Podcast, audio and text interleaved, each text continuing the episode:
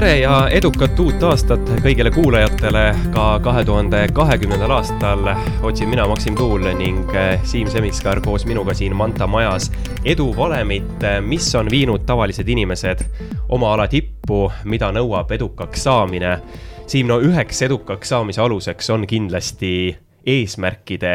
seadmine, et eh, kas sul on alanud aastaks eesmärgid korralikult paigas ja mõõdikud ka? Esiteks tere ka minu poolt, aga sellise sinu jutu peale ma vist pean ütlema, et mina nii edukas ei ole, kuna minul on eesmärgid seadmata, kirja panemata ja elan oma elu nii, nagu ette tuleb. No ma loodan, et kuulajad on igal juhul meie eelnevatest äh, saadetest äh, õppust võtnud äh, ja oma eesmärgid paika pannud, aga läheme tänase saate juurde ja kuigi meil on külas käinud miljonär ja ERR-i juht ning kinnisvaramogul, ja veel palju teisi külalisi, siis äh, täna saan ma öelda, et äh, stuudios on äh, mees, kes on tõesti kõige edukam, vähemalt ühel alal, ühel ajal. tere tulemast, olümpiavõitja ja maailmameister Gerd Kanter. tervist no me ei räägi täna Gerdiga tegelikult ainult spordist, loomulikult läbi spordi edukusest, aga Gerd tegelikult on ka juhtimiscoach, treener, kuulub erinevatesse organisatsioonidesse, sellest kõigest jõuame rääkida. aga alustuseks küsiks Gerd sama küsimuse, mida küsisin Siimu käest, et kas sul on kahe tuhande kahekümnendaks aastaks eesmärgid paigas?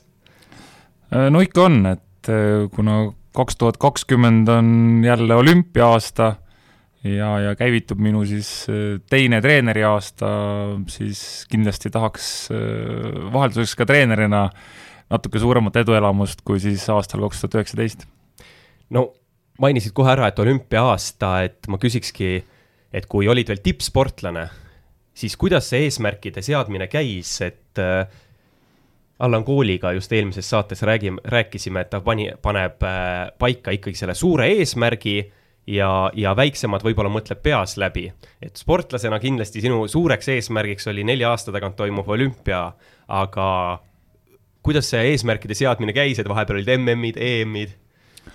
Äh, no ja ikkagi olümpiasportlased sellises nelja-aastases tsüklis elavad, et äh, ja ma arvan, et minu selline esimene ikkagi suur eesmärk äh, sai maha pandud juba kuskil jah, võib-olla kaks tuhat üks aasta alguses, et kus ma tegelikult väga selgelt hakkasin olümpiavõidust unistama ja, ja, ja eks sealt edasi selge see, et erinevad äh, vähem tähtsamad tiitlivõistlused on sellised vahefinišid. Ja, ja kui eelnev kadalipp on,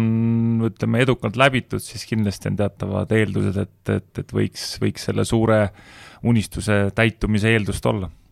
Et kaks tuhat üks siis juba hakkasid sellised kõrged eesmärgid, aga tegelikult äh, räägime sellest päris algusest, et kuidas sa kettaheite juurde jõudsid, et see oli päris hilja, ütleme siis äh, sportlase karjääri mõttes? jah, et äh, ma ikkagi jah, selles mõttes kettaheitega hakkasin tegelema sisuliselt ikkagi keskkooli viimases klassis niimoodi natukene tõsisemalt, et eelnevalt äh, tegin nagu tol ajal ikka kõik poisid, et käisin erinevates huviringides, treeningringides, korvpall paelus, tahtsin, tahtsin saada ka toonases tsikki, korvpalli erialal üheksandasse klassi siis äh, sinna ma sisse ei saanud. Ja, ja võib-olla sealt ka selline väike tõuge just sellise individuaalspordi poole tuli aga kuidas just, ma mõtlen kettaheide, et äh, minu teada sa olid toona väga selline kleenuke poiss äh,, mitte selline vägilane nagu nüüd, et äh, et kuidas sellise noh, ütleme, oleme harjunud ikkagi kettaheiteringis nagu ka kuulitõukeringis nägema selliseid võimsaid mehi. Äh, eks see ikka tuli sellise isa soovitusena, et, et kuna isa oli noorest põlvest äh, ise kuulitõuget, kettaheidet harrastanud, siis kuna meil kodus lauda taga oli piisavalt karjamaad ka, et, et siis me seal põllu peal hakkasime vaikselt harjutama ja tegelikult esimene selline eduelamus tuli siis äh, Pärnumaa koolinoorte meistrivõistlustel, kus siis isa mind seal katsete vahel õpetas ja õnnestus siis äh, pronksine tulemus saavutada aga mina korvpalliajakirjanikuna korra tulen selle jutu juurde tagasi, et mis sealt SIK-i katsetel siis juhtus? Ma arvan, et seal ei juhtunud tegelikult midagi, sest et äh, kuna minu tolle hetke taust korvpalli mõttes oli väga selline puudulik, et tegelikult äh, olin pärit väiksest kohast, ega meil seal väga palju aktiivset et selles mõttes juhendamist ei olnud. Ja kui ma ka tolle hetke oma parameetreid vaatan, siis olin vist meeter seitsekümmend üheksa, mitte väga osav, et et, et tegelikult igati selles mõttes loogiline otsus äh, treenerite poolt, et, et mind sinna vastu ei, ei võetud. et sa mingit vimma nagu tagantjärele ei pea nende treenerite ees, et nad sind äh, sinna vastu ei võtnud? no eks ma pean pigem neile ikka tänulik olema, et ma arvan, et, et, et siis me võib-olla ei räägiks siin täna olümpiavõitjast, vaid äh, pigem sellisest keskpärasest korvpallurist. aga mäletad sa, kes need treenerid olid, kes sulle selle ei-sõna ütlesid? Äh, mäletan küll, et selles mõttes äh, Eino Rebane ja Jaanus Levkoi, et äh, aga, aga me oleme sellest hiljem nagu korduvalt ka rääkinud, et, et pigem, pigem tuleb neile suur aitäh öelda, et et nad tol hetkel nagu mind välja praakisid. aitasid nii-öelda õige, õige alavalikuga kaasa sul? Äh, igal juhul, et, et selge on see, et, et muidugi, kui mulle, ma arvan, võimalus oleks antud, siis ma usun, et äh, oma sellises äh, töötahtes ma ei kahtle, et ma arvan, et kuskil Eesti koondisesse ma oleks kindlasti olnud võimeline ennast välja, välja võitlema. ja aga, aga kas must oleks selles mõttes olnud materjali kuhugi kaugemale minna, et seda, seda on väga keeruline öelda. aga kas sa mäletad, mis tol hetkel ikkagi nagu peas toimus, et sind ei võetud vastu, et kas oli ka, tekkis korraks selline tunne, et ai, ma nüüd neile näitan, et ma nüüd, äh, ma ei tea, kolm aastat või paar aastat teen kõvasti trenni ise hoopis ja, ja, ja siis jõuan sellele tasemele, et keegi ei saa mulle ei öelda. Äh, no kindlasti pettumus oli, et aga, aga ma arvan, et, et see on täiesti normaalne, et selles mõttes äh, ütleme niimoodi, et ega ma jah, nagu oma, oma peas on alati ütleme, et mulle on meeldinud suurelt mõelda ja eks minu kui suur iidol oli Michael Jordan ja, ja, ja eks vaikselt mõtlesin ju ka NBA-st, et aga aga, aga jah, ei selles mõttes sellist äh, efekti ei tekkinud, et nüüd ma näitan, et ma arvan, korvpall on ikkagi pigem selline võistkonnaala ja selleks, et seal kaugele jõuda, selleks on ikkagi vaja häid äh, treenereid, häid võistkonnakaaslasi ja ja seda mul seal kuskil maakohas võtta selles mõttes ei olnud, nii et, et, et mul tegelikult jah, soovitati aasta pärast uuesti proovima tulla, et aga, aga jah, seda ma võimalust ei kasutanud ma just mõtlen seda, et äh, paljud tegelikult edulood on saanud alguse nii, et äh, kas öeldakse ei või ei lasta, seal äh, Jordanil oli ka alguses ju, hoiti nii-öelda pingil, ei lastud väljakule ja et et millal ära tunda, et nüüd, et kas see on see ei, mis peaks mind sütitama ja edasi töötama või et millal see on see ei, et, et peakski loobuma, et see ei ole minu jaoks jah, et äh, ma arvan, et tõesti, et kui oleks olnud võimalus äh, võib-olla aasta aega tõesti tõsiselt äh, valmistuda uuteks katseteks, siis, siis miks mitte, aga, aga kuna, nagu ma ütlesin, et meil seal maakohas oligi, et tegelikult meie üks, üks, üks hea treener tegelikult läks just tol hetkel Soome mõneks aastaks, siis tegelikult olime poistega omapäi ja, ja selles mõttes sellises keskkonnas nagu sellist suurt arenguhüpet oleks olnud päris keeruline teha aga ütlesid, et kaks tuhat üks oli siis see aasta, kui tõsisemaid eesmärke seadsid, see oli vist ka see aasta siis, kui Raul Rebasega kokku saite ja selle meeskonna moodustamine algas? jaa, et äh, aasta kaks tuhat siis sügisest äh, hakkasime Rauliga koostööd tegema ja, ja tegelikult äh, juba siis jaanuarikuus, kui esimesed sellised eduelamused kuulitõukes tulid, siis hakkasin juba vaikselt Rauli selles mõttes äh, valgustama, et mina olen, mina olen väga selgelt oma otsused ja eesmärgid paika saanud. aga kuidas see koostöö, ütleme, algas, äh, kus see siin? No koostöö algas selliselt, et tegelikult mina olin, olin jõudnud sellisesse punkti, kus tegelikult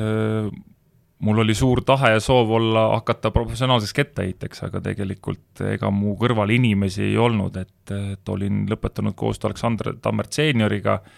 ja, ja tegelikult juba vaatasin ookeani taha, olin teinud erinevad ülikoolide testid, et minna siis äh, Ameerikasse ülikooli õppima. aga siis juhuslikult suvel kohtasin Raul Rebast, äh, kes oli tegelikult ka pikalt juba spordimaailmast eemal olnud ja ja tegelikult televisioonis igapäevast äh,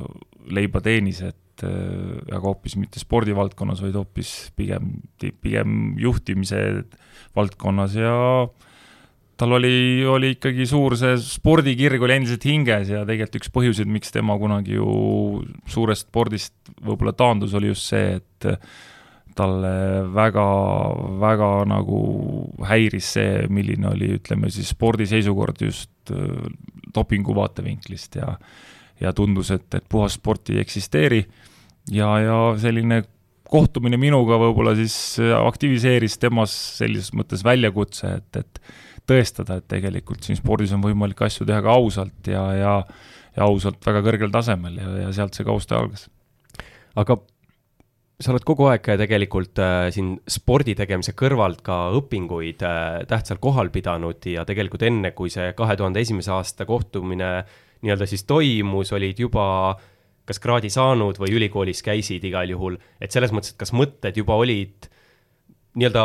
minna päris ellu, mitte et siis tippsportlase elu ei ole päris elu äh, jah, tegelikult siis, kui me kohtusime, siis mul oli käsil jah, sisuliselt siis ülikooli viimane aasta. Ja, ja ütleme niimoodi, et, et jah, mul on hea meel, et, et noh, ma olen alati nagu teinud plaane pikalt ja, ja ma jah, kunagi selles mõttes ei, ei ole näinud muud võimalust, et et, et me haridusteel kuidagi peaks, ütleme, selles mõttes järgi andma. Ja, ja ka tänases hetkes, kus ma olen sportlaskomisjoni juht, siis tegelikult üks teemasid on topeltkarjäär ja ja tegelikult ikkagi sporditee on üks, üks lühike osa meie selles mõttes sellisest karjäärist, sõltuvalt spordialast võib see olla muidugi võib-olla vahel ka pikem, aga reeglina võib-olla me võime rääkida ikkagi sellisest kümnest, viieteistkümnest aastast, aga tegelikult selleks, et elada ka tulevikus edukalt, selleks on vaja ikkagi omandada haridus ja ja selle koha pealt ei tasu kindlasti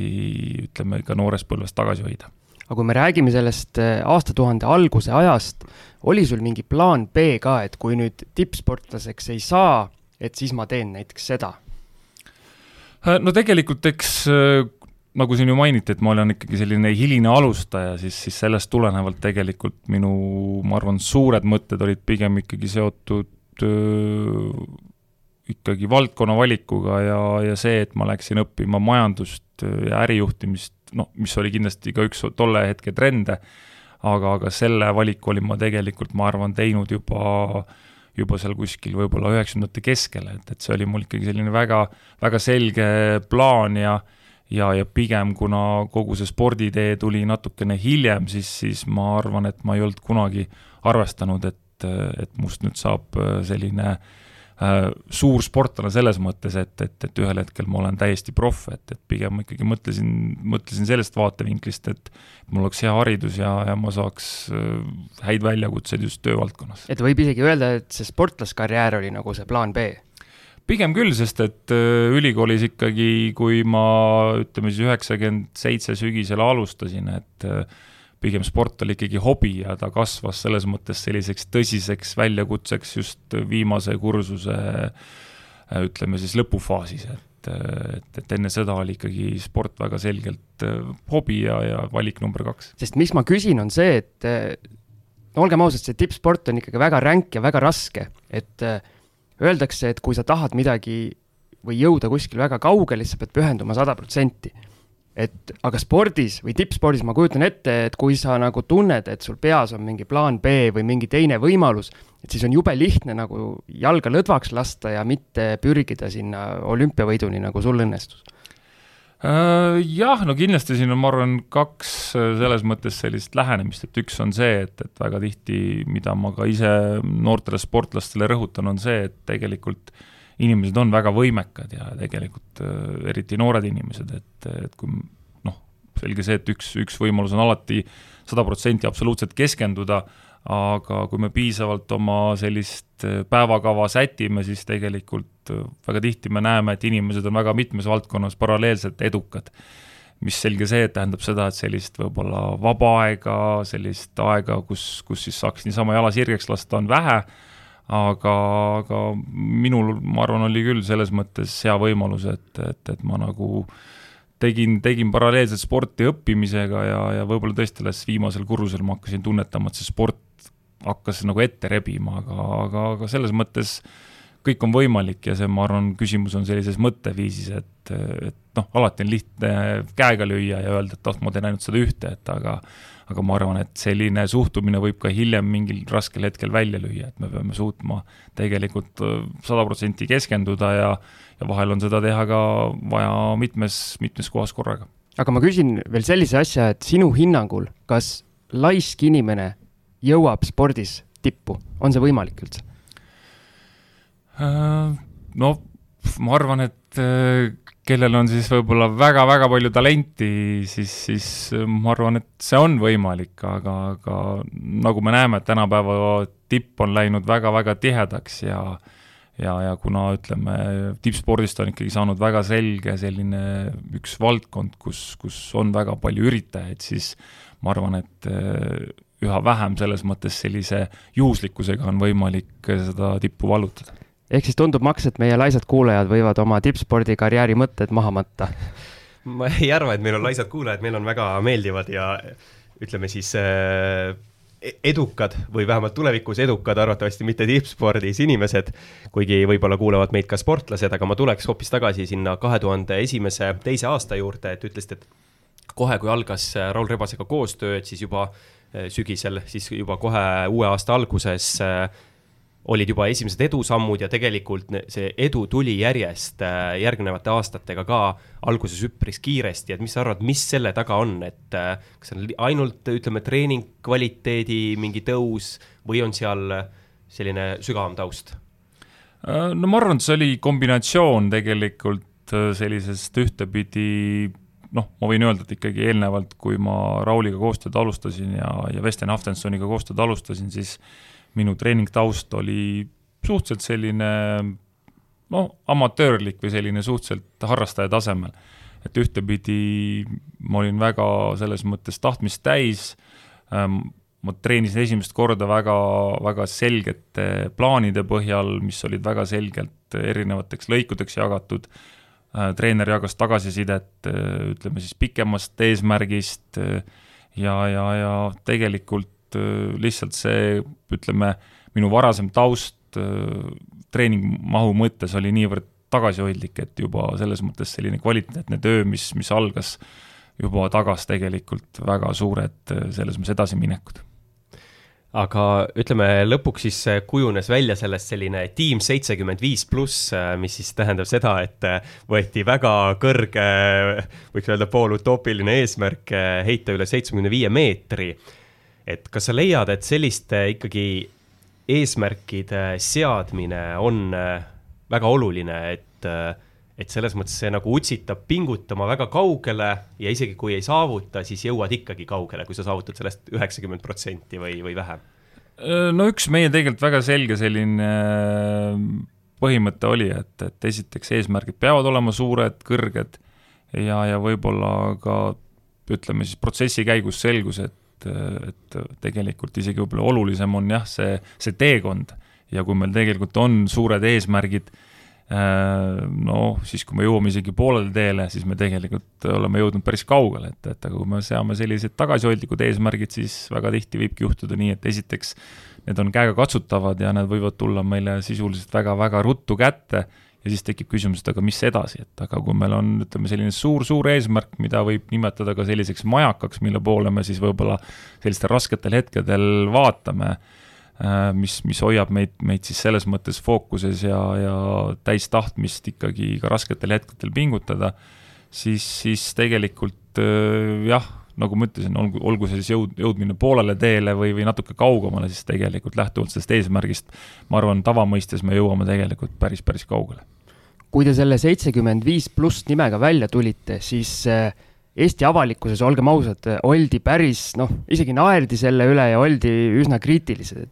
kuidas sina ja kuidas kogu see tiim nagu sellest üle oli? no ma arvan, et eks nende eesmärkidega on see, et, et kõige tähtsam on ikkagi see, et, et kas sa ise sellesse usud ja, ja ma arvan, et kui sa ise sellesse usud, siis äh, noh, meil oli mitmeid selliseid ütlemisi, et, et et olgu see siis rämps rongi ei takista või, või, või suur puu püüab ikka palju tuult, et, et selles mõttes noh, selge see, et, et sellist viltu vaatamist oli, aga, aga ma olen oma olemuselt alati olnud selles mõttes inimene, kes väga nendest kõrvalt sosistajatest ei hooli, et, et, et kui sa ise usud sellesse, mis sa teed, oled kindel, et need asjad on võimalik tegelikult saavutada, siis, siis noh me teeme asju ikkagi eelkõige enda pärast, mitte teiste pärast. Ja ja kui teised, ja noh, see ongi selge, et, et kui sul on väga selles mõttes selline võib-olla teiste, teiste inimeste arvates utoopiline eesmärk, noh, siis, siis selge see, et nad vaatavad viltu, et aga, aga ma arvan, et äh, siin, siin ma ka kõigile kuulajatele selles mõtteks annaks nagu julgust, et äh, kui te ise usute, teil on selles mõttes lähikonnas inimesi, kes samuti teie, ütleme siis, pürgimisi tunnustavad ja, ja usuvad, et sellel asjal on jumet, siis miks mitte, et, et pigem nagu mõtleme natuke suuremalt kui väiksemalt. aga mingi hetk, kui sul need tulemused ja tiitlid ja medalid hakkasid tulema, siis see sentiment nagu igal juhul muutus kas äh, nagu mingi hetk teie ka tunnetasite, et nüüd vastupidi, kui ennem naerdi meie üle, siis äh, nüüd juba mõeldakse, et oh, et ta teebki ära selle seitsekümmend viis? Äh, ei, kindlasti, et eks me jõudsime sellele päris lähedale ja, ja, ja noh, tegelikult ega puudu jäi ju tegelikult väga-väga vähe, et, et aga no ma arvangi, et kui see eesmärk oleks olnud näiteks seitsekümmend, noh, siis ma arvan, et ei oleks tulnud ka see seitsekümmend kolm ja kolmkümmend kaheksa, et, et igal juhul pigem nagu sellises äh, spordimaailmas ja noh, ma arvan, ükskõik mis valdkonnas tegelikult alati tuleks mõelda natukene piiridest välja, sest et, et ega kui me äh, natukene nagu üritame olla selles keskkonnas, mis on võib-olla täna, noh, siis, siis kuidas, kuidas ikka selline ütleme, kuidas, kuidas neid piire murtakse, et me peame alati mõtlema natukene sellest kastist väljas ja, ja sellisel juhul kui me neid suuri eesmärke ei sea, siis me arvan, sealt kastist ka välja ei saa. Nagu sa ütlesid, sul võistlustel seda seitsekümmend viis täis ei tulnud, aga ütle ausalt, kas mõnel treeningul lendas ketas nii kaugele või mitte? ei lennanud, et tegelikult äh, see võistlustulemus on parim, aga, aga kindlasti on olnud hetki, kus, kus ma arvan, et, et selles mõttes see noh, teatav valmisolek oli ja, ja eks kaks tuhat üheksa tegelikult äh, kui, kui ma heitsin siis äh, seni kehtiva sisemaailma rekordi, et kuuskümmend üheksa, viiskümmend kolm, et et siis tegelikult äh, noh, poleks sealt teinud äh, me tiimiga selliseid valesid otsuseid, siis võib-olla see kaks tuhat üheksa kevad oleks võinud olla see hetk, kus siis tõesti oleks võinud ka seda maailmarekordit üritada, et aga, aga noh, ütleme nii, et eks me sellises tipptasemel ikkagi neid piire kombime ja ja aga, aga spordis on see, et kui sellest piirist üle minna, siis, siis kipud, kipud haamriga valusasti vastu pead saama ja natukene tagasi põrkuma. aga mainisid enne, et, et neid kõrgeid eesmärke seades oli ikkagi lähikonnas äh, toetajaid ja ka see andis sellist äh, usku juurde, et äh, kuidas sa leiad, et kui oluline üldse, kui me võib-olla ei räägi isegi ainult kettaheitest, vaid edukusest, edasipürgimisest, on see, et sul oleksid ikkagi kõrval need mõned inimesed, kes sind toetavad? No ma arvan, see on ikkagi oluline, sest et ega ma arvan, sõltumata valdkonnast äh, tagasilööke tuleb igal juhul ja, ja see on täiesti normaalne selles mõttes protsessi osa, et et ebaõnnestumised, kaotused, aga, aga reegel vähemalt meie kogemuse näol on see, et, et kui sa oskad nendest kaotustest, tagasilöökidest teha õiged järeldused, õiged analüüsid, siis, siis sa sealt saad sealt selles mõttes selged äh, suunised, kuidas minna edasi kuidas minna eda-, edasi edukamalt, paremini ja, ja, ja tõesti, need lähikondlased selles mõttes ikkagi nendel rasketel hetkedel sind natukene ikkagi, ma arvan, aitavad, et et, et vahel tuleb ikka natukene selles mõttes äh, äh, haavu lakkuda ja kui seal on ikkagi selles mõttes lähikondlased äh, olemas, kes sind nendel rasketel hetkedel võib-olla natukene lohutavad, siis, siis see aitab ikka nendest olukordadest lihtsamalt üle saada. paljud äh, edukad ettevõtjad on rääkinud, et äh, nagu sa rääkisid, neid lähedasi tuleb ka selles mõttes valida, et suur hulk inimesi pigem äh, töötab nagu mitte, mitte otseselt ei tööta vastu, vaid ütleb, et ära seda tee, et see on keeruline, ära seda tee, parem tee nii ja et ära hakka ettevõtjaks, mine palgatööle, et kas sina pidid ka oma neid lähikondlasi ja sõpru hakkama selles mõttes valima, et kes sind ei hoiaks tagasi, vaid lükkaks nagu tagant? Äh, no ütleme niimoodi, et eks eelkõige meie tiim kuidagi selles mõttes äh, või need inimesed, kes sinna tiimi koondusid, et need olid äh, enamus oma valdkonna ikkagi absoluutsed profid ja, ja, ja meie ikkagi suur eesmärk oli tegelikult olümpiavõit, oli see maailmarekord, et selles mõttes noh, kui tulla seal võib-olla veel mõne kas või selle tiimi nime sünniloo juurde, siis tegelikult Mihkel Silmer, kes oli meie toitumisspetsialist, et tema isegi ütles, et poisid, et noh, et mis tiim seitsekümmend viis pluss, et tiim kaheksakümmend, et noh, tuleb mõelda veel, veel selles mõttes suuremalt ja, ja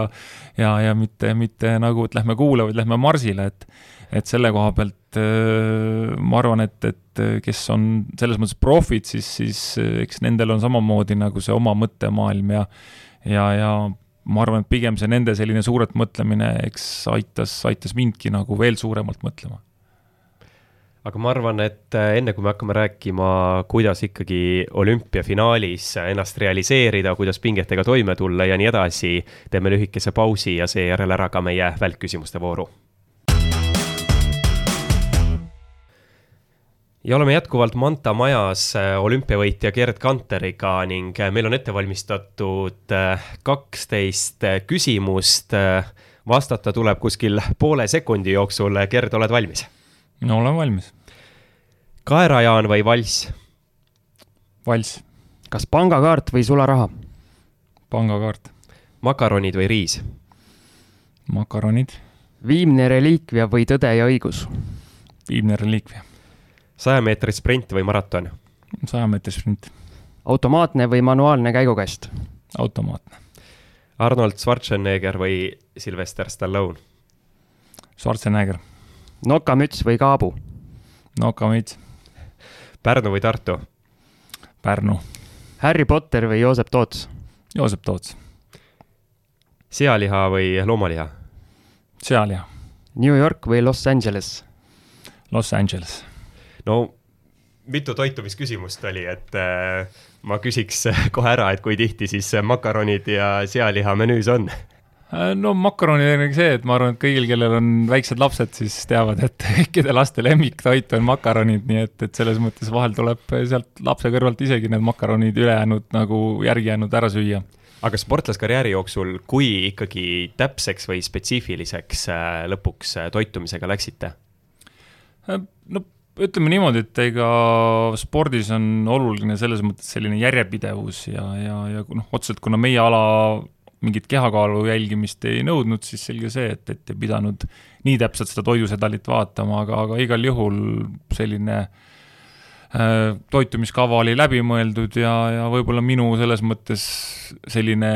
oma, oma tarkusest kõige võib-olla kehvemini koostatud oli võib-olla siis hommikusöök, mis, mis mingil hetkel tahtis sellist äh, paremat kompositsiooni.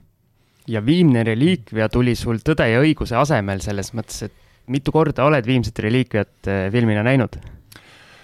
Äh, no ma arvan, et äh, kui ma meenutan oma lapsepõlve, siis, siis see oli ikkagi selline suur elamus ja, ja ma mäletan, et juba lapsepõlv, või tähendab siis lasteaias, kui, kui eelmisel õhtul olid kõik poisid Viimset reliikviat vaadanud, siis, siis järgmine päev oli lasteaias kõva, kõva selles mõttes järgi tegemine ja, ja, ja ma arvan, et see oli, see on ikka olnud selline äh, korra aastas tava nagu, et, et ma arvan, et seda on ikka nähtud omajagu, et. aga kui lasteaias oli see järgi tegemine, kas sina olid Gabriel Siim või hoopis Ivo Schenkenberg äh,? no ma mäletan seda, et me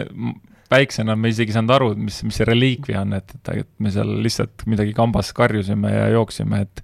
et aga ei, selge see, et eks kõik tahtsid võib-olla Gabrielid olla, et aga, aga, aga pigem, pigem kõik igasugused rüütlid ja mõõgad ja see oli nagu, ma arvan, poiste, poistele see põhi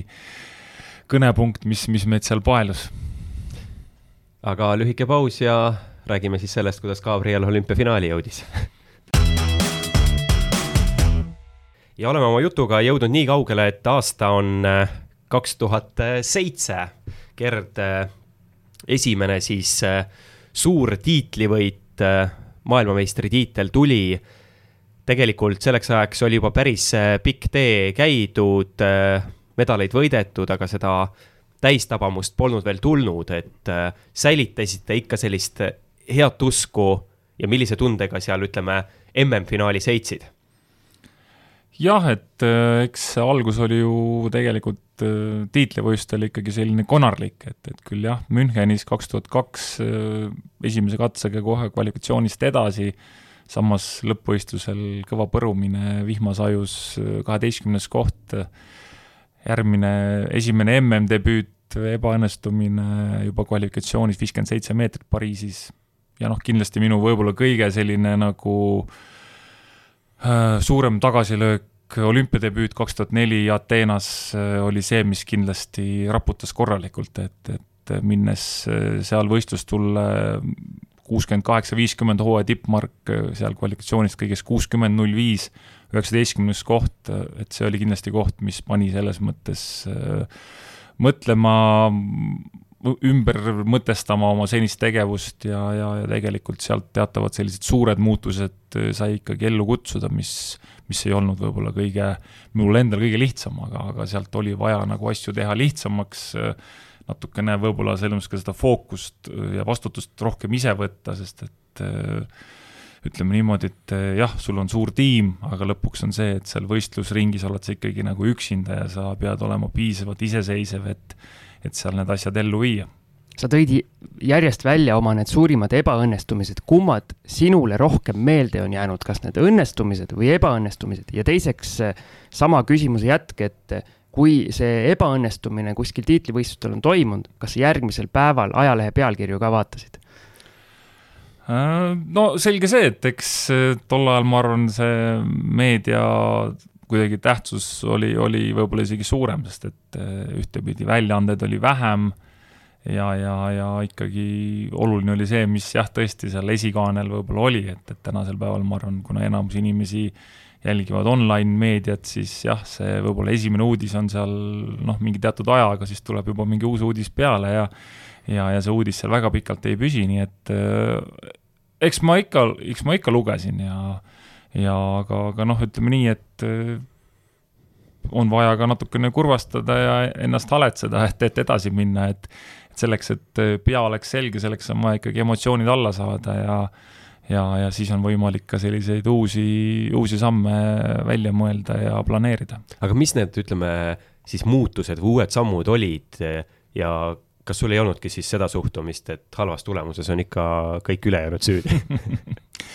no ütleme niimoodi, et eks ma oma esimestes selles mõttes tagasilöökides võib-olla ei saa öelda, et teisi süüdistasin, aga, aga ma arvan, et võib-olla jah, see suurem muutus äh, pärast seda olümpiadebüüdi ebaõnnestumist oligi seotud sellega, et ma pidin ikkagi eelkõige saama aru, et, et noh, et jah, kõik minu taustajõud annavad mulle head nõu ja soovitusi aga lõpuks mina pean olema ise ikkagi piisavalt võimekas, et, et ma suudan kogu seda informatsiooni, kõiki neid nõuandeid äh, selles, ütleme, pingekatlas ellu viia ja, ja, ja see oli selles mõttes väga selline äh, noh, ma ei saa öelda, et nüüd äh, elumuutev otsus, aga, aga see oli kindlasti see, mis, mis, mida oli vaja nagu muuta ja, ja, ja ja järgnev aasta siis kaks tuhat viis läks, läks selles mõttes selle tähe all, et et me teatavaid asju muutsime, tegime minu tehnikat lihtsamaks ja, ja, ja tuli ka siis selline esimene mm õnnestumine, hõbemedal Helsingi maailmameistrivõistlustelt. aga, aga sealt jah, edasi hakkas mind kummitama võib-olla natukene selline igavese teise sündroom, et, et kuna tegelikult ju minuga samaaegselt äh, võistles, äh, võiks öelda siiani kettaheite legend Virgilius Alekna kes, kes oli ikkagi väga fenomenaalne sportlane ja ja, ja tema vastu selles mõttes neid duelle oli, oli korduvalt, kus siis tema jälle sellise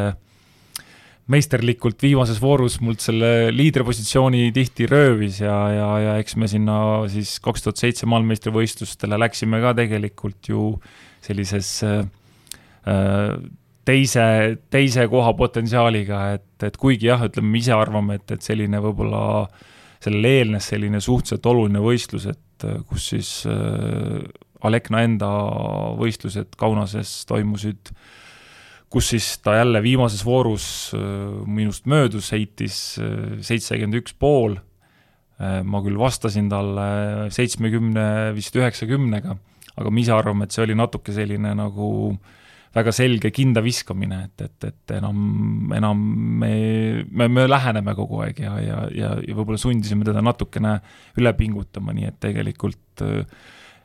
Osaka MM-i eel ta tegelikult eellaagris ennast natukene vigastas, nii et tegelikult jah, et, et kui see MM-tiitel tuli, siis tegelikult tema nagu päris, päris konditsioonis ei olnud ja tegelikult jäi ta üldse medali ju kolmikust välja, nii et aga, aga noh, see on alati nii, et eks me ikkagi natukene ju jälgime, mis meie konkurendid teevad ja ja kuna ma olin talle tulnud väga-väga lähedale, siis eks ta tundis ka, et, et peab, peab ühe käigu juurde panema, aga, aga ei andnud, tervis andis järgi natuke. Aga teil oli tõesti selline väga hea rivaliteet, et tundub, et see viiskab kogu aeg seda taset edasi, et äh, tegelikult nagu sa just nimetasid, et siin teatud võistlustel äh, ei saanud siis üle seitsmekümne meetrise heitega ka võitu kätte, et äh, tänasel päeval praegu võiksin öelda, et natuke on see nagu võib-olla tase alla tulnud, et, et kas on nii, et et tahad paremaks saada ja kui teine on kogu aeg ees siin natukene, et siis toimub kuidagi see areng ka? Äh, kindlasti, ma usun, et eks ju minu selles mõttes selline suur vastasseis tegelikult juba sai siin kodus alguse Aleksandr Tammerti näol, et et äh, tema oli ikkagi lati üles viinud ja, ja selleks, et, et saada Eesti meistriks, saada Eesti parimaks, saada Eesti rekordi omanikuks, oli meil siin Tammertiga juba ütleme alates kahe tuhande teisest aastast sellised väga, väga head mõõduvõtud ja ma arvan, et, et see oli selline väga hea sissejuhatus, et, et võtta siis Alekna ette, et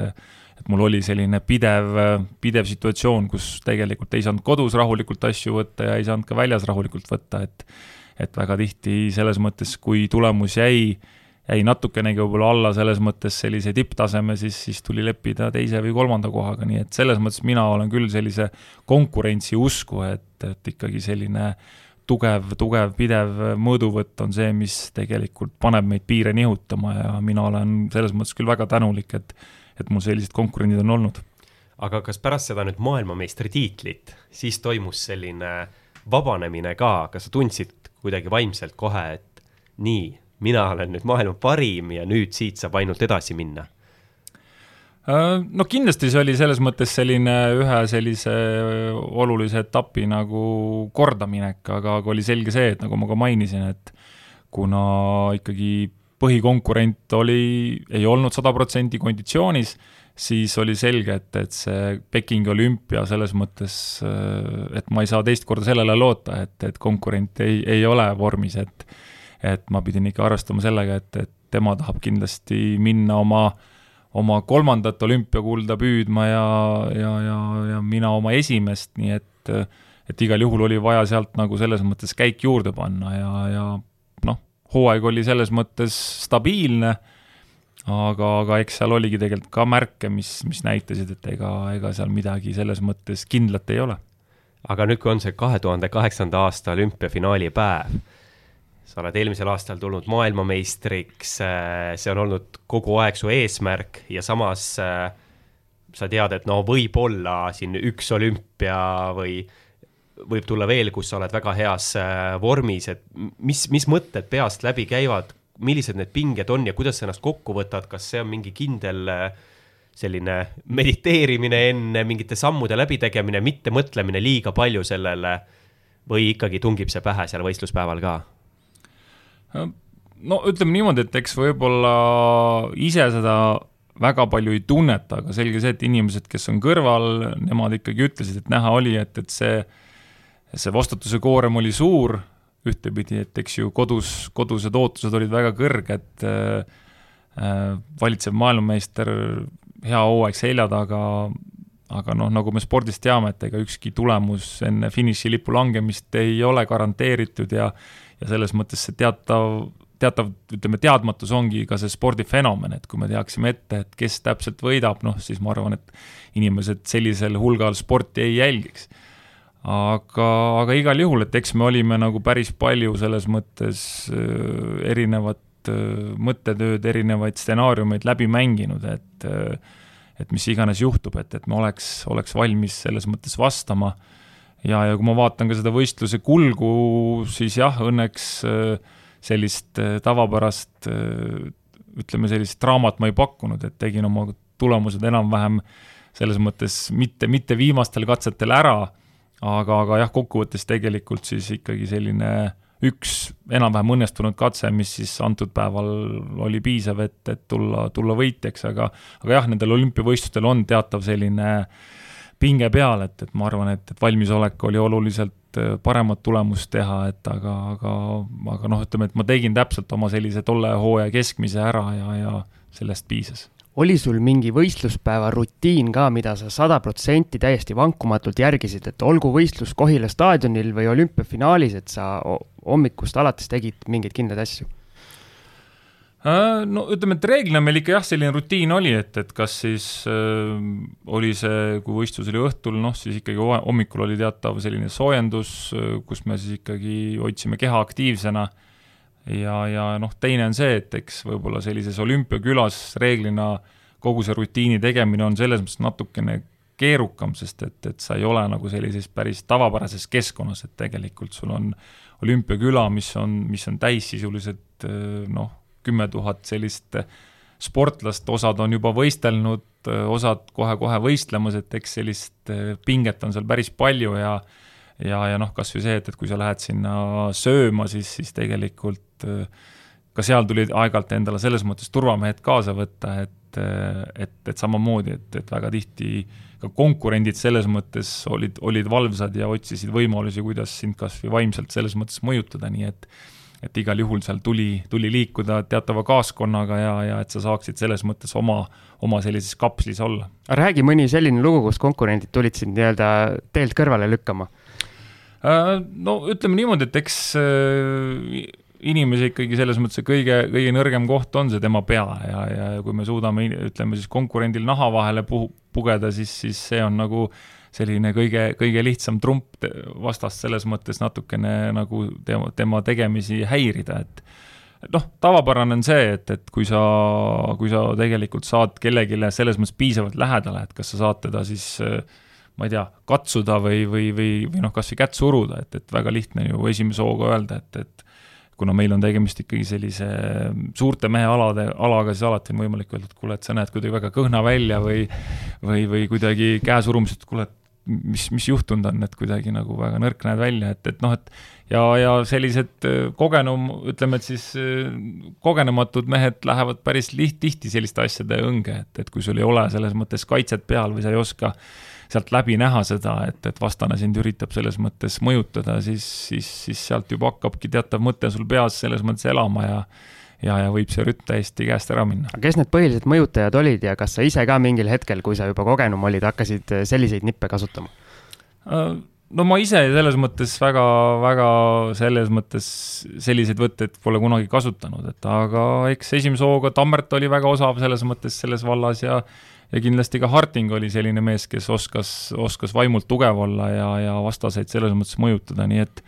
et et äh, eks seal aeg-ajalt jah, ikkagi teatavaid asju, asju juhtus ja, ja aga, aga ütleme, et hilisemas faasis ütleme nii, et me juba väga selgelt ka valmistusime selleks, et, et mida iganes siis konkurent ette võtab või teeb, et esiteks me tunneme selle ära, oleme selleks valmis ja, ja tegelikult, kui sa oled juba piisavalt osav, siis, siis on võimalik ka selles mõttes neid asju nagu bumerangina tagasi visata ja, ja, ja, ja kui vastane selleks valmis ei ole, siis on hoopis võimalik teda võib-olla natukene mõjutada aga kui enne küsisin, et pärast kahe tuhande seitsmenda aasta maailmameistritiitlit äh, võis toimuda selles mõttes vabanemine, et äh, tunned, et oled kõigeks võimeline, siis kas pärast olümpiavõitu toimus nagu teistmoodi, et äh, selline lõõgastumine, et üks elu eesmärk on saavutatud ja kuidas siis oli selle motivatsiooni hoidmisega? no kindlasti, eks suur, suur unistus sai teoks, aga ega jah, peale sellist võib-olla lõõgastavat puhkust, ega tegelikult ma arvan, et motivatsiooni oli, oli veel rohkem kui ennem, et et endale selles mõttes kohaselt eh, ega ma madalamaid eesmärke ei seadnud, et tegelikult ikkagi see maailmarekord oli võib-olla siis tol hetkel kõige selline nagu aktuaalsem, millele sai fokusseeritud, aga, aga kindlasti ka teine olümpiakuld eh, oli väga selge eesmärk, eh, milles, millega me siis sellisesse järgmisse olümpiatsüklisse läksime aga samas äh, öeldakse, et nagu olümpiavõitjaks teist korda tulla on väga raske, minu arust kas äh, Raul Rebane ise ei ole öelnud, et äh,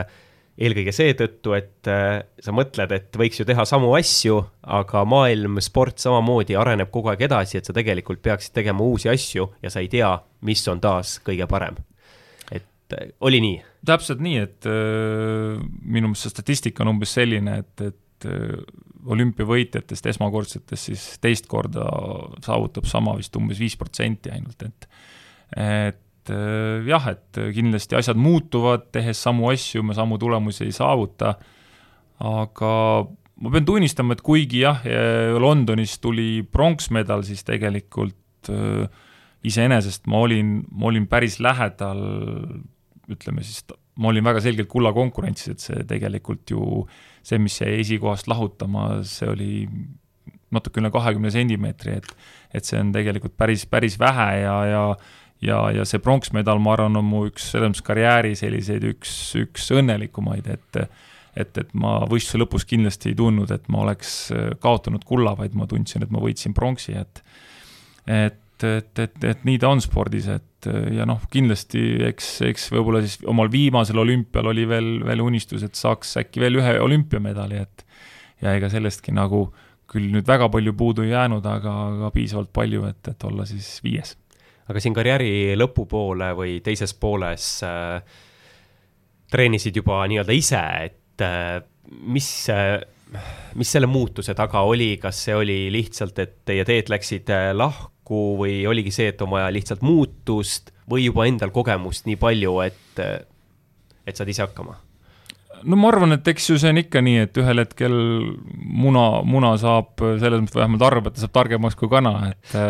ja, ja, ja kui ma oma viimasesse siis olümpiatsüklisse läksin, siis, siis kaksteist aastat äh, ühist äh, tegemist siis suure tiimiga äh, võib-olla siis oli mind nagu piisavalt palju õpetanud ja oli piisavalt palju selles mõttes juba oma, omi mõtteid tekkinud, et, et noh, et mida võiks proovida ja ja, ja, ja, ja tunduski, et võib-olla siis, et, et minnes, minnes oma vana treeneriga edasi, et, et võib-olla seal ei ole seda äh, seda muutust, mida, mida võib-olla ega selge see, et nagu ma ütlen, spordis meil ju ühtegi selles mõttes selget valemit ei ole, et, et, et kui ma nüüd lähen mööda seda teed, et siis, siis ma saan sellise tulemuse, et et oli pigem selline mingi eeldus, mis, mis siis võib-olla nagu ja, ja pigem see oli niisugune võib-olla valik siis enda, enda sellise, enda südametunnistuse pealt, et noh, et, et, et tuleb seda proovida ja, ja toob, mis toob. Ma lähen natukene teemast kõrvale, aga küsin sellist asja, et maailmas käivad tippsportlastega tihti kaasas igasugused skandaalid ja värgid ja mis iganes. aga sina oled olnud äh, siin Eestis selline justkui äh, sportlase musternäidis, tuuakse kogu aeg eeskujuks ja niimoodi, et kas see on tingitud sinu isikuomadustest või see on ka olnud nii-öelda teadlik, teadlik tegevus? ma arvan, et see on kombinatsioon, et eks ühtepidi noh, ma olen nagu lapsest saati selline suhteliselt kohusetundlik, järjepidev oma tegemistes olnud, et mind ei ole kunagi selles mõttes äh, pahet äh, kütkestanud, et ei ole ma kanget alkoholi tarvitanud, ei ole ma sigaretti proovinud, et et ja noh, väga tihti me teame, et sellised paljud, paljud skandaalid saavad just nendest meelemürkidest alguse, et, et kuna seda muret mul pole olnud, siis, siis pea on olnud kogu aeg selge ja kaine ja, ja sealt ühtegi libastumist pole olnud ja, ja, ja, ja noh, teistpidi, eks, eks kui sa, kui sa saad aru, et sa kannad sellist võib-olla suuremat rolli ja sellist eeskuju rolli, siis, siis üks on see, et, et, et me, mitte see, et sa ainult räägid, et, et ärge nii tehke, vaid et teatavas mõttes sa pead ka seda, seda rolli selles mõttes ka ise, ise kaasa tegema või, ja noh, mida, seda lihtsam on, kui sa selles mõttes kõike teed loomulikult, mitte nagu sunniviisiliselt, nii et et ma arvan, et, et see on olnud selles mõttes ühtepidi väga-väga selge ja teadlik valik aga enne kui hakkame rääkima sellest, eh, mida on toonud elu pärast tippsportlase karjääri ja millised on tuleviku eesmärgid, teeme veel lühikese pausi. Gerd, eh, tean, et siis hetkel eh, tegutsed kettaheitetreenerina Poola kettaheitjatega, lisaks kuulud siis nii Eesti Olümpiakomiteesse kui ka Rahvusvahelisse Olümpiakomiteesse, et räägi natukene nendest tegemistest jah, siis selline palgaline töö hetkel on siis äh, Poola Kergejõustikuliidus, et olen siis oma kahe endise konkurendi treener, et Pjotor Malhovski ja Robert Urbanek. et valmistume siis jah, hetkeseisuga Tokyo olümpiamängudeks ja nagu sa mainisid, siis äh, sellised sotsiaalsed rollid, mis mul on, on siis seotud tõesti Eesti Olümpiakomitee sportlaskomisjoni juht ja, ja siis samuti olen ka Euroopa Olümpiakomiteede sportlaskomisjoni juht. et äh, need on siis sellised äh, ütleme, ma arvan, selline suhteliselt loogiline jätk, et, et võib-olla kui ma olen siin palju, ütleme, üritanud meil noori innustada ja mõjutada, siis, siis nüüd võib-olla siis äh, natukene laiemalt üldse sportlaste selles mõttes äh, õiguste ja võimaluste eest äh, võitlemine ja, ja koordineerimine. aga millised võimalused on niimoodi olümpiakomitee siis täitevkomitee liikmena midagi veel spordi heaks ära teha ja mis, mis võib-olla on sellised käegakatsutavamad eesmärgid selles rollis? no ütleme niimoodi, et eks kogu olümpialiikumises tegelikult selline äh, sportlaskomisjonide roll on, on kasvamas, et, et tegelikult äh, nagu siin juba meie intervjuu alguses mainitud dualkarjäär, et, et ikkagi meil oleks rohkem selliseid teadlikke treenijaid, teadlikke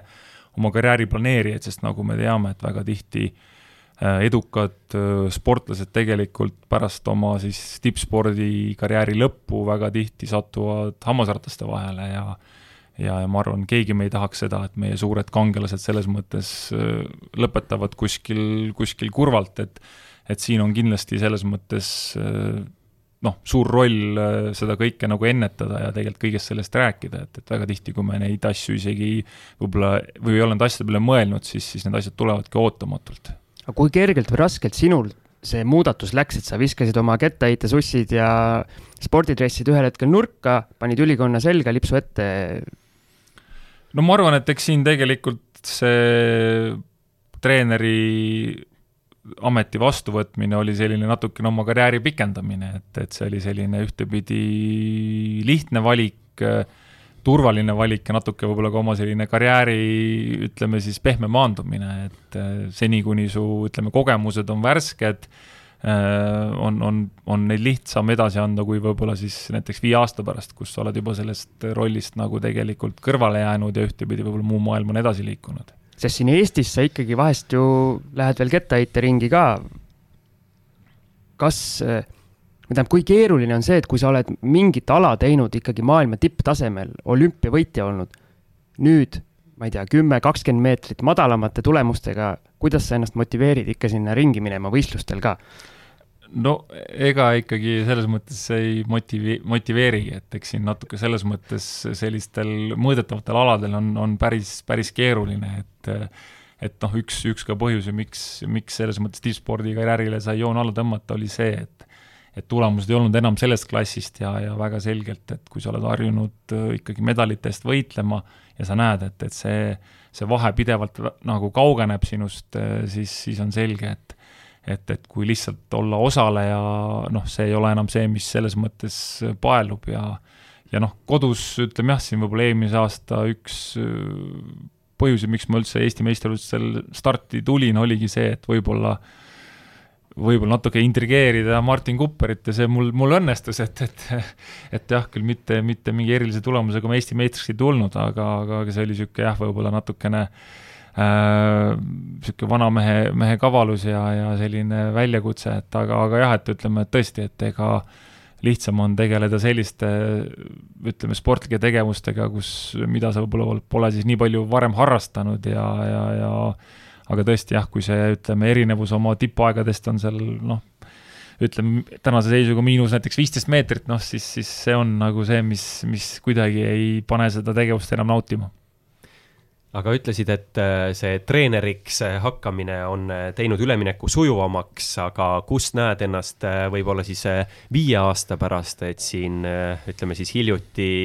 said ka juhtimiscoach'i diplomi EBS-ist, läbisid selle koolituse oled minu teada esimene tippsportlane, kes, kes selle diplomi sai ja kindlasti saab sellist coaching ut siis kasutada ka spordi juures või tegelikult see sealt sõna tulebki ju. aga kas, kas näed ennast ka sellise no ütleme siis juhtimiscoach'ina, et võib-olla ka mingeid ettevõtjaid nõustada, miks mitte meid siin Siimuga, et tuleme, paneme aja kirja ja tahame ka saada soovitusi jaa, ei, selles mõttes, et see, ütleme siis juhtimiscoach'i selline moodulõpe oli, oli kindlasti väga selline põnev ja, ja, ja tegelikult see annab endas väga palju võimalusi, et et olen seda natukene rakendanud siin äh, Noored olümpiaprogrammis, kus siis minu üks sportlasi on siis Anna-Maria Orel, keda, keda üritan siis tema tippu pürgimisel aidata. aga, aga noh, eks, eks selle ütleme nii, et ju coaching'u üks olemusi on see, et tegelikult kõik vastused on inimese enda sees olemas, et tegelikult minu, minu roll on ainult küsida õigeid küsimusi ja, ja suunata inimest ise neid vastuseid enda seest leidma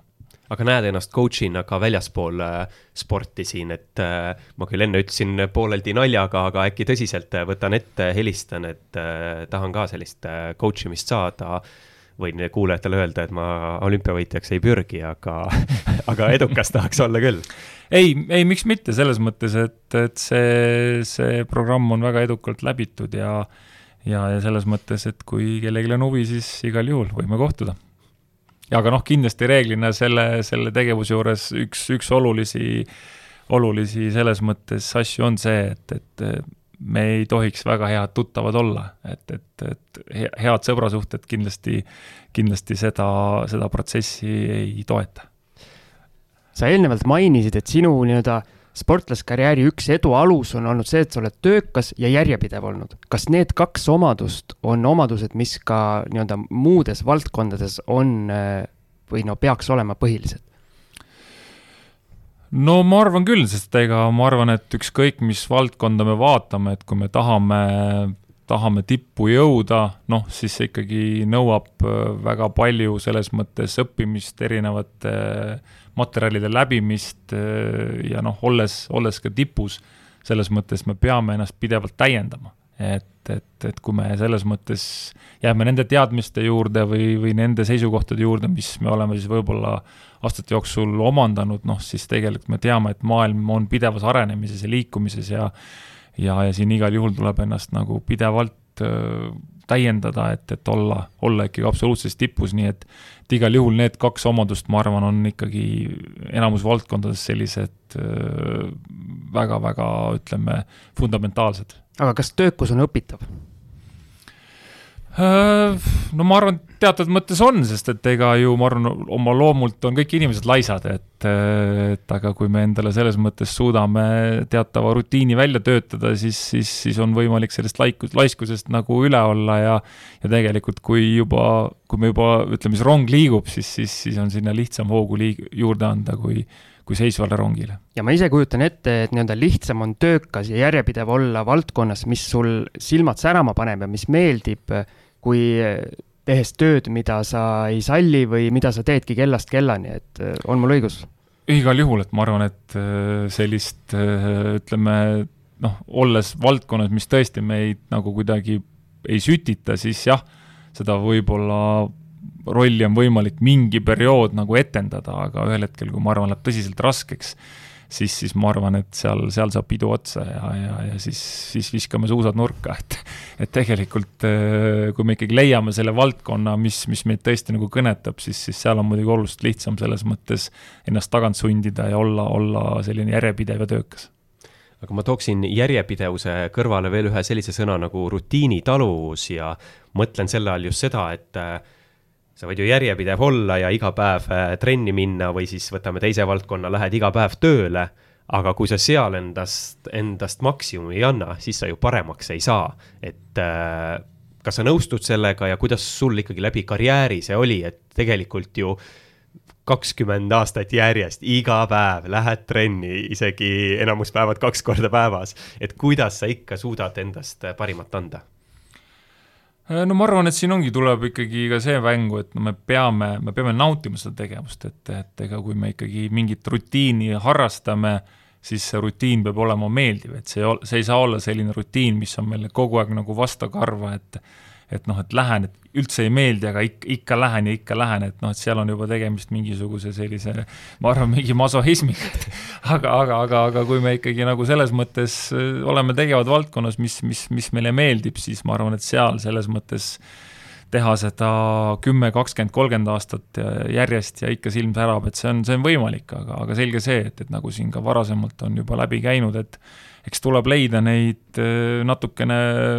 teisi teid, et, et, et nagu, et kui me sinna tööle sõidame, et me ei sõida siis kogu aeg ühte teed pidi, et vahepeal läheme, läheme mingit teist teed pidi ka, et et, et selliseid väikseid variatsioone igal juhul peab, peab endas leidma, sest et vastasel juhul tõesti see ühel hetkel võib-olla kiilub kõik kinni. aga see on ju, see on ju ka kindel, et iga kord, kui sa iga hommikul trenni läksid, see ei olnud maailma kõige parem trenn, et tuli ka nii-öelda kehvemaid päevi, võib-olla kehvemaid isegi perioode kuidas nendest üle olla? mitte siis ainult spordis, vaid ka nii-öelda muus valdkonnas no ma arvan, siin on hästi oluline see, et me seda kogu protsessi selles mõttes nagu tajuksime ja saamegi aru, et, et, et iga päev ei, ei ole nagu pidupäev ja selline nagu reede, et et selleks, et noh, ikkagi igasugused protsessid toimivad reeglina ikka selliste lainetena, et meil on vaja mingi hulk siis kas tööd teha, mingi hulk mingit informatsiooni läbi töötada, noh, siis välja puhata ja siis võib-olla seda tulemust teha, et et kui me nagu ütleme, et meie sellised töövõtted või, või selline strateegia on vale, et siis võib ka olla see, et, et me tõesti teeme, teeme väga palju tööd, aga tegelikult tulemust ei tule, et et siin on ikkagi väga oluline oma valdkonna selliseid põhitõdesid nagu enda jaoks nagu lahti mõtestada, nendest aru saada, sest et et väga lihtne on see, et keegi ütleb, et, et, et hakka kaevama ja sa kaevad ja kaevad, aga et mis on see lõppeesmärk ja kuhu sa jõudma pead äh, ja millist, millise taktikaga sa kõige efektiivsemalt toimetad, et see peab ikka igas valdkonnas nagu selles mõttes selge olema, sest vastasel juhul tulemust ei tule. Et Eesti rahva igasugustes tüvitekstides ongi põhiasi see töökus ja tee tööd, siis tuleb ka armastus ja mis iganes need laused on, et sina hästi palju maailmas ringi käinuna, kas eestlane rahvana on töökas ja kas seda teed, tööd tehakse nagu õigesti? ei, ma arvan, et, et üldiselt me oleme ikkagi jah, päris nagu sellised tublid, et, et ma arvan, et meil ei ole probleem selles mõttes ennast nagu taga sundida ja, ja tõesti pingutada ja tööd teha, aga vahel on see, et tõesti nähes teisi tippe, siis, siis võib olla ka seda, et kus meil on tõesti ettekujutus, et et me teeme nagu jõle palju, jõle raskelt, siis tegelikult selgub, et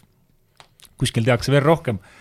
et, et eks siin selleks ongi hästi oluline käia nagu maailmas ringi ja, ja tõesti näha, kuidas teised äh, sinu valdkonnas toimetavad, et et, et vahel võib see, ütleme, ettekujutus siin kodus natuke nagu selles mõttes moondunud olla, et, et et jah, et nagu ma ütlesin, me võime arvata, et me nagu teeme väga palju, aga tegelikult kuskil võib-olla tehakse veel rohkem või, või tehakse hoopis sellises teise ülesehitusega neid asju, nii et, et selles mõttes on hästi-hästi oluline äh, sellist maailmapraktikat nagu näha ja, ja sealt võib-olla siis saada ka selliseid teatavaid suuniseid, et kuhu, kuhu suunas enda asju nagu natukene suunata. et kui ma ei eksi, siis oli see sinu korvpalliidol Michael Jordan, kes ütles niimoodi, et tema ka karjääri üks läbiv mõte iga hommik ärgates oli see, et kuskil on keegi alati temast parem. Äh, jaa, et et eh, noh, selge see, et kuskil tulevad meile inimpiiri, inimvõimete piire ette, aga, aga selge on see, et, et alati võime ju mõelda, et, et kui me tahame mingis valdkonnas olla parimad, noh siis, siis tõesti sama mõttega tegelikult ju toimetab arvatavasti veel sadu või tuhandeid inimesi ja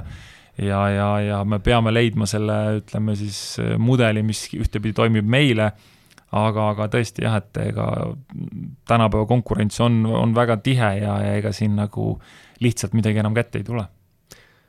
aga mina paneks siis meie eduvalemisse tänasest saatest töökuse, järjepidevuse, eesmärkide seadmise, ka mõõdikud sinna eesmärkide juurde. kuidas veel lõpetuseks, Gerd, võtaksid kokku, et äh, kuidas saada edukaks? no jah, nagu need märksõnad, mida sa mainisid, kindlasti need on kõik väga olulised, et et äh, ja mina tooks võib-olla tõesti ühe sellise olulise asja siia sisse, et tegelikult äh, ärge kartke tagasilööke ja, ja ebaõnnestumisi, et tegelikult kui me suudame nendest tagasilöökidest ja ebaõnnestumistest teha õiged järeldused, siis igal juhul meie järgmine katsetus on oluliselt äh, efektiivsem ja oluliselt edukam, nii et ja, ja selleks, et tõesti nagu olla valmis edu saavutama, selleks tegelikult peab teatava portsuga ebaedu kogema, sest vastasel juhul me tegelikult ei teagi, kuidas edu maitseb. aga mis on see valem siis, et hästi palju inimesi, nagu me ennem ka rääkisime, tahab nagu teisi tagasi hoida, kuidas olla sellest üle, et mitte kogu aeg mõelda, et aga mida teised minust mõtlevad? Äh, no ma arvan, et siin ongi hästi oluline enda jaoks nagu selles mõttes äh, teha selgeks, et, et noh, et kelle jaoks me midagi teeme, et kui me siin suudame endale ikkagi teadvustada, et et, et ma ei tea, et me ei, me ei ürita saavutada midagi, et oma, ma ei tea, vanematele midagi tõestada, oma, oma sõpradele midagi tõestada, et me üritame saavutada midagi, millest me ise hoolime, siis, siis see on kõige tähtsam, et, et seni, kuni me tegutseme nagu kellegi teise äh, teise heakskiidu huvides või, või soosingus, siis, siis tegelikult seda, ma arvan, seda päris seda läbilööki ei tule, et kui me tõesti saame aru, et, et vot ma teen seda selleks, ma tahan seda ise saavutada, siis, siis on võimalik ka selles mõttes äh, gaas põhja vajutada ja oma asjad ära teha, et seni, kuni me nagu kogu aeg nagu natukene üritame nagu tunnetada, et mida teised arvavad, kuidas, kuidas, kuidas teised sellesse suhtuvad, siis siis meil on tegelikult teatavad pidurid peal, nii et äh, tehke asju enda äh, enda huvides, enda eesmärkidest lähtuvalt, siis on kõige lihtsam ka see edu saavutada. ilmselt kõige tähtsam on see, et tuleb üldse hakata tegema, et kõige lihtsam on mitte midagi teha, siis ei tule ka tagasilööke, aga siis ei tule ka õnnestumisi. jaa, et, et samamoodi nagu siin oli ennem selle võib-olla siis nende suurte eesmärkide väljahõikamisest, et, et noh, et tõesti, et, et väga tihti on ka see, et kui me oleme midagi välja öelnud kõva häälega, siis me saame aru, et aga tegelikult ju sellega kaasneb kohe mingi vastutus, et me peame ju midagi tegema, et muidu me oleme lihtsalt sellised tühja jutu mehed, nii et et ma arvan, et, et aeg-ajalt mõne inimese jaoks ongi see, et tegelikult asjad ongi vaja kõva häälega välja öelda, siis on kõik teised ka seda kuulnud ja siis tuleb oma sõnade eest vastutada. nii et Max, mis sina siin kõva häälega välja ütled meil uue aasta alguses? Mina ütlen kõva häälega välja seda, et äh, järgmine Eduvalemi saade läheb kindlasti kahe nädala pärast äh, taas eetrisse ja seekord siis äh, täname veel kord Gerd Kanterit ja loodame, et ikkagi seda edu alanud aastal on rohkem kui ebaedu, kuigi seda tuleb vahepeal üle elada. aitäh, Gerd! aitäh! Ja kuulajad, kindlasti leidke meid endiselt üles nii rahajutud.ee portaalis kui ka kõikides suuremates podcast'i äppides. ja kõigile väga edukat uut alanud aastat ka minu poolt. mõnusat nädalat